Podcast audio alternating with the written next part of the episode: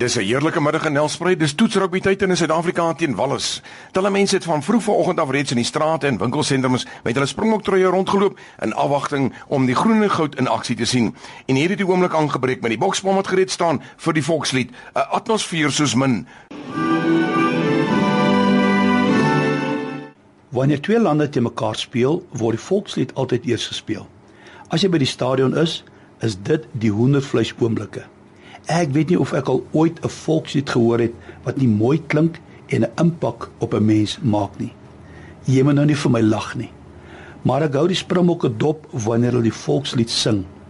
As hulle die dag met passie sing, hulle ruk mekaar rond en die trane vloei, dan weet ek, vandag gaan hulle moeilik geklop word.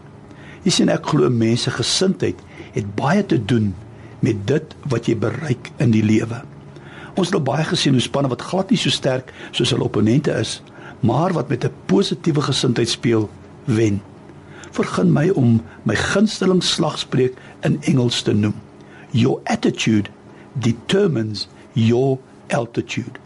Dit geld vir elke gebied van jou lewe. Jou sport, werk, verhoudings, studies en jou godsdiens. Die gesindheid waarmee jy iets tegemoet gaan, sal die uitslag bepaal.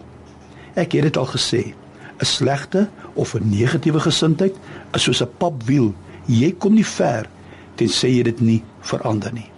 Ons ken almal die bekende verhaal van Dawid en Goliat.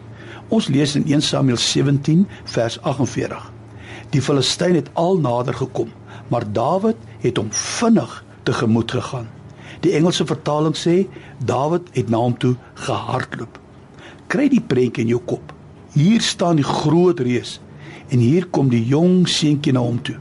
Hy kom nie stadig, voetjie vir voetjie, baie versigtig. Nee, hy hardloop na hom toe. Wat sê dit vir ons? Hy is positief, vasberade. Hy kan nie wag om met die man klaar te speel nie. En voordat Goliat sy oë kan knip, lê hy op die grond, verslaan deur 'n skaapwagtertjie met geloof en 'n positiewe gesindheid. Wat moet jy die week tegemoet gaan? Watter groot uitdaging lê voor jou? Wil jy nie nou jou gesindheid verander en soos Dawid dit stormloop en sê vir dit ek kom na jou toe in die naam van die Here.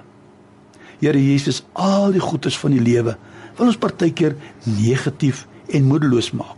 Help ons om in die week positief te wees en om in u naam elke reus te verslaan.